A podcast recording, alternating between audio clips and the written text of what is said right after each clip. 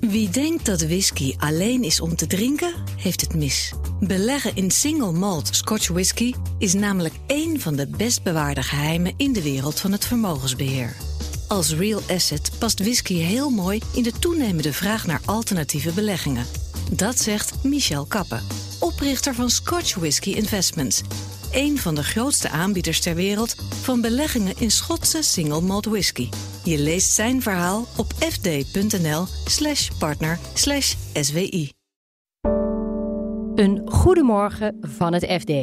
Ik ben Hella Huuk en het is vrijdag 23 juni.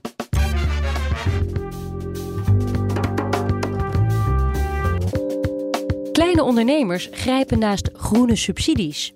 Het is gewoon een, een, een hel om uh, je weg te vinden in dat soort regelingen. Het is nu vaak zo dat ze heen en weer gepingpongd worden tussen alle, alle instanties. Haaksbergen vreest door zoutwinning het nieuwe Groningen te worden. Elke Nederlandse burger uh, kent uh, de Groningse toestanden. Daar weet men ook van in Twente. En men vreest dat de, de ondergrond daar ook verzakt zoals het in Groningen is verzakt. En dat dat tot schade en dergelijke leidt. En een Utrechtse tramlijn kostte meer dan een half miljard.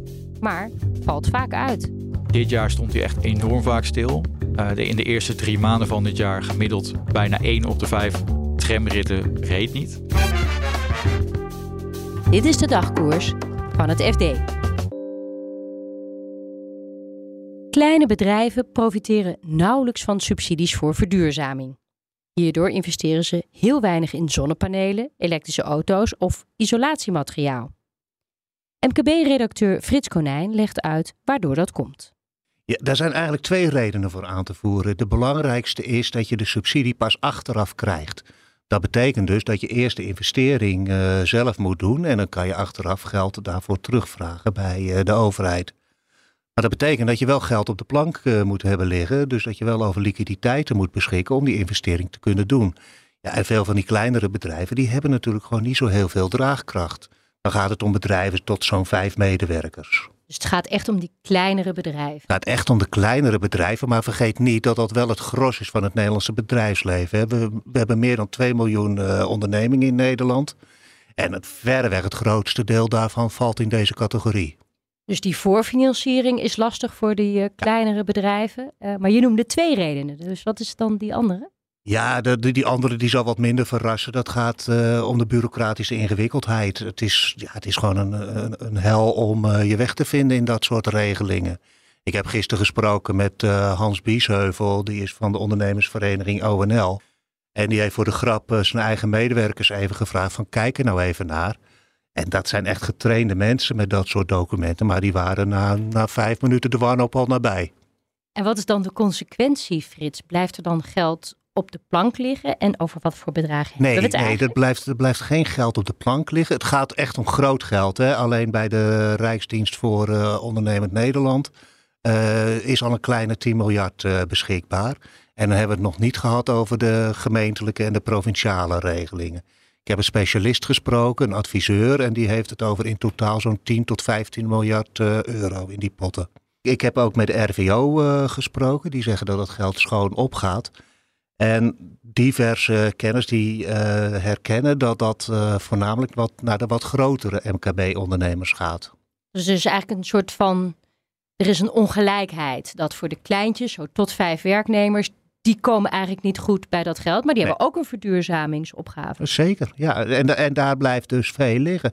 Maar kijk maar, de, de, van die kleintjes afgelopen jaar heeft maar 5% een, een, een, een subsidieverzoek ingediend bij, uh, bij de RVO. En om... voor, voor, voor de verduurzaming. En voor komend jaar plant maar 7% om dat te gaan doen. Dat zijn echt hele lage percentages. Ja, dus daar stagneert de energietransitie om dan grote ja. woorden te gebruiken. Wat, wat zou er moeten gebeuren om ook die subsidiepotten toegankelijker te maken voor die, uh, voor die kleine ondernemers? Ja, ik denk eigenlijk dat er een, dat er een soort centraal adviesorgaan uh, uh, zou moeten komen. Die, die, kijk, die kleinere die kunnen natuurlijk niet een dure adviseur inhuren, want het gaat ook vaak om kleinere bedragen. Ja, en als je eenmaal die adviseur hebt betaald, dan is het geld al weg, uh, zal ik uh, maar zeggen. Dus ik denk dat daar uh, wat gemorreld kan worden. misschien dat die regelingen ook wat simpeler zouden kunnen worden. En wat, waar ik denk dat heel veel ondernemers over zouden staan te juichen als er één aanspreekpunt komt voor al die verschillende regelingen. Want het, het is nu vaak zo dat ze heen en weer gepingpongd worden tussen alle, alle instanties. De Twentse gemeente Haaksbergen vreest het nieuwe Groningen te worden. Bewoners zijn bang dat zoutwinning zorgt voor bevingen en verzakte huizen. Je hoort industrieredacteur Albert Wagenaar. Hij legt eerst uit hoe het zout gewonnen wordt.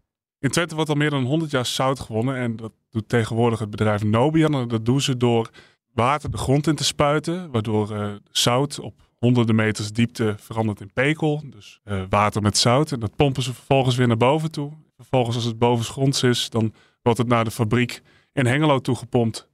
En daar kunnen ze de zout van maken en allerlei toepassingen op dat zout, zoals ja, chloor en natroloog. Maar dat zout wordt eruit gehaald. Er blijven dan gaten over. Zijn die gevaarlijk? Ja, het is inderdaad, er blijven gaten over, maar die gaten zijn niet leeg. Er blijft pekel water in zitten. En het uh, kan ook zo zijn dat ze dat uh, nog opvullen met uh, oud as. Dat gebeurt ook in Twente. Maar in, in, dit geval blijft er gewoon pekelwater in staan. Bovenop dat pekelwater ligt dan weer een laagje ehm, benzine. En die moet dan weer het dak van die zoutkaverne beschermen tegen ja, verslechtering en eventueel instortingsgevaar. Dus ja, er blijven gaten, maar het is niet dat die gaten daar zomaar blijven zitten. Bovendien is het bedrijf verplicht om die gaten goed te monitoren. Nou wordt er al heel lang zout gewonnen, zeg je. Waarom vinden burgers dat nu dan een probleem? Nou, tot voor kort was uh, Nobian en daarvoor Axo. Nobian is ooit ontstaan uit Axo. Um, heeft daar nooit echt problemen mee gehad met die winning of met vergunningen of wat dan ook maar. Maar goed, de tijden zijn veranderd. Um, elke Nederlandse burger uh, kent uh, de Groningse toestanden. Daar weet men ook van in Twente. En men vreest dat de, de ondergrond daar ook verzakt zoals het in Groningen is verzakt. En dat dat tot schade en dergelijke leidt. Dus ja, de tijdgeest heeft uh, Nobian op dit moment niet mee. En had Nobian het kunnen voorzien dat er verzet komt uit de inwoners van, uh, van Haaksbergen onder andere tegen die zoutwinning? Nou ja, wat ik zei dus, het is, het is lang zo geweest dat die zoutwinning zonder enige problemen heeft kunnen plaatsvinden. Um, het is natuurlijk de vraag of zij voldoende hebben aangevoeld uh, hoe de zeitgeist zich uh, ontwikkeld heeft. En uh, nou ja, goed, tot twee jaar geleden leek er geen veldje aan de lucht. Maar ondertussen liggen de zaken er heel anders voor. En lijkt het erop dat die zoutwinning toch niet van de grond gaat komen. Want er zijn vergunningen voor nodig. Er zijn vergunningen voor nodig. Twee belangrijke partijen spelen daar een, een, rol bij. Dat is enerzijds het ministerie van Economische Zaken en anderzijds de gemeente.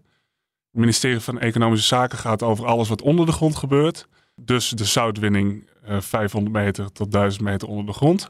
En daar zit de pijn niet. De pijn zit hem bij de gemeente. Want de gemeente gaat ja, kort door de bocht over alles wat boven de grond gebeurt. En de gemeente die, die, die vindt dat de zoutwinningsplannen die doen inbreuk op, op, op wat er met de bovengrond gebeurt. Het past niet bij het ruimtelijk plan wat er ligt voor de regio. En, maar bovenaan staat voor de gemeente dat zij vinden dat het niet veilig genoeg is. En hoe gaat deze Gordiaanse knoop ontward worden, denk je? Ja, waarschijnlijk niet. Dat, dat is toch het antwoord. Um, het, lijkt erop dat uh, ja, de gemeente die gaat gewoon voorliggen, of tenminste uh, het uh, college heeft tegen geadviseerd. De gemeenteraad gaat er 5 juli, dus over een twee weken, over stemmen. Maar het lijkt er niet op dat die een verklaring van geen bedenkingen gaan afgeven. En dat betekent dat, dat Nobian eigenlijk nou geen, geen zout kan winnen in Twente. Dat is een uh, fikse aderlating. Ja, in principe heeft Nobian nog één kans, of één voorname kans. En dat is dat het, economische, ministerie van Economische Zaken beslist om zoutwinning tot nationaal belang te verheffen. Um, daar studeert het uh, ministerie op dit moment op.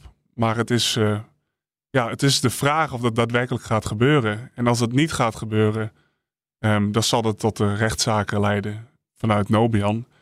En als het wel gebeurt, als het wel een nationaal belang wordt, dan is het zeer waarschijnlijk dat of de gemeente of uh, de inwoners naar uh, de rechter stappen. Want zout is dan misschien nationaal belang, maar het lijkt me ook van levensbelang voor Nobian zelf. Um, Nobian zegt zelf niet van als we niet in Twente kunnen winnen, dan kost dat ons de kop. Ze zeggen we krijgen wel ernstige bevoorradingsproblemen. Maar goed, de helft van wat, het zout wat gewonnen wordt in Nederland, dat komt uit Twente. De hele business case is erop ingesteld.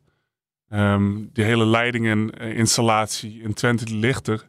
Dus ja, ze hebben toch wel echt dat zout nodig. Het is lastig om het uit het buitenland te halen. Dus Twente zit eigenlijk op het witte goud.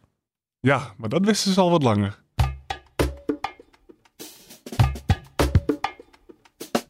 Utrechtse studenten keken jarenlang rijkhalsend uit naar de komst van de Uithoflijn. De aanleg kostte meer dan 500 miljoen euro. Maar nu staat hij bijna 20% van de tijd stil. Redacteur Ahmed Majid vertelt waarom de tramlijn werd aangelegd.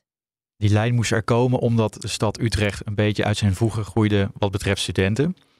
Dus uh, ze hadden eerst een bus, die uh, werd het sardientjesblik genoemd, aangezien die overvol zat met studenten.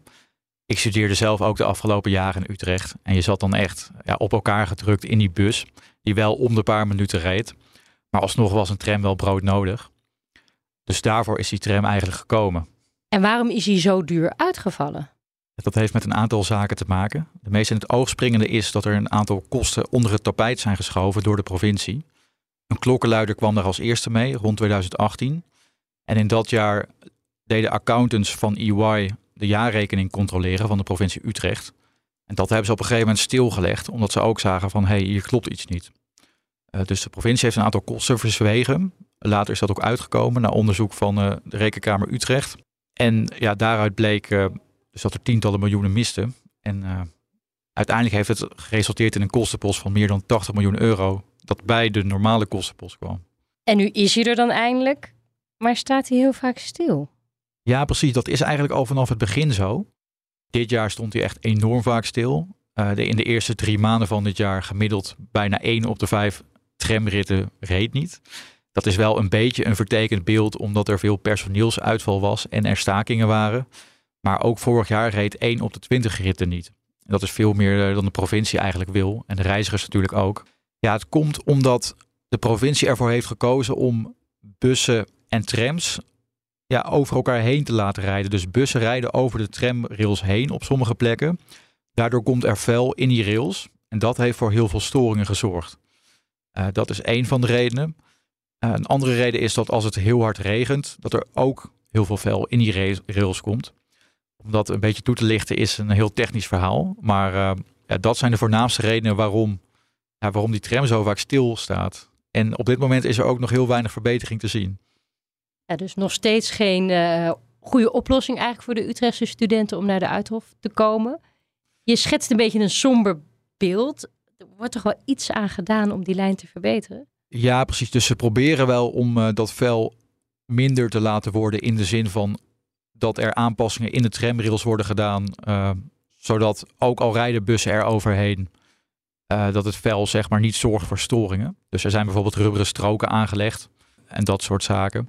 Dus ze zijn er wel mee bezig, maar ja, de studenten merken er op dit moment weinig van. Volgens de provincie uh, ligt de fout dit jaar vooral bij Cubus, de vervoerder. Het is uh, maar de vraag of het uh, binnenkort wel opgelost wordt. Dus toch maar met de fiets?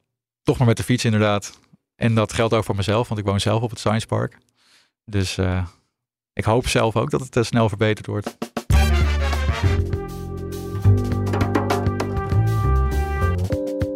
Dit was de dagkoers van het FD. Maandag zijn we er weer met een nieuwe aflevering. En ondertussen lees je het laatste financieel-economische nieuws in onze app. Voor nu een hele fijne dag en graag tot maandag.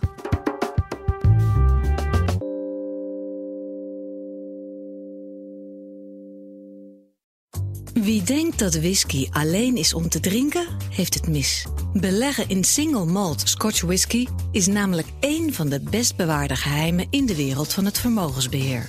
Als real asset past whisky heel mooi in de toenemende vraag naar alternatieve beleggingen. Dat zegt Michel Kappen, oprichter van Scotch Whisky Investments. Een van de grootste aanbieders ter wereld van beleggingen in Schotse single malt whisky. Je leest zijn verhaal op fd.nl/slash partner/swi.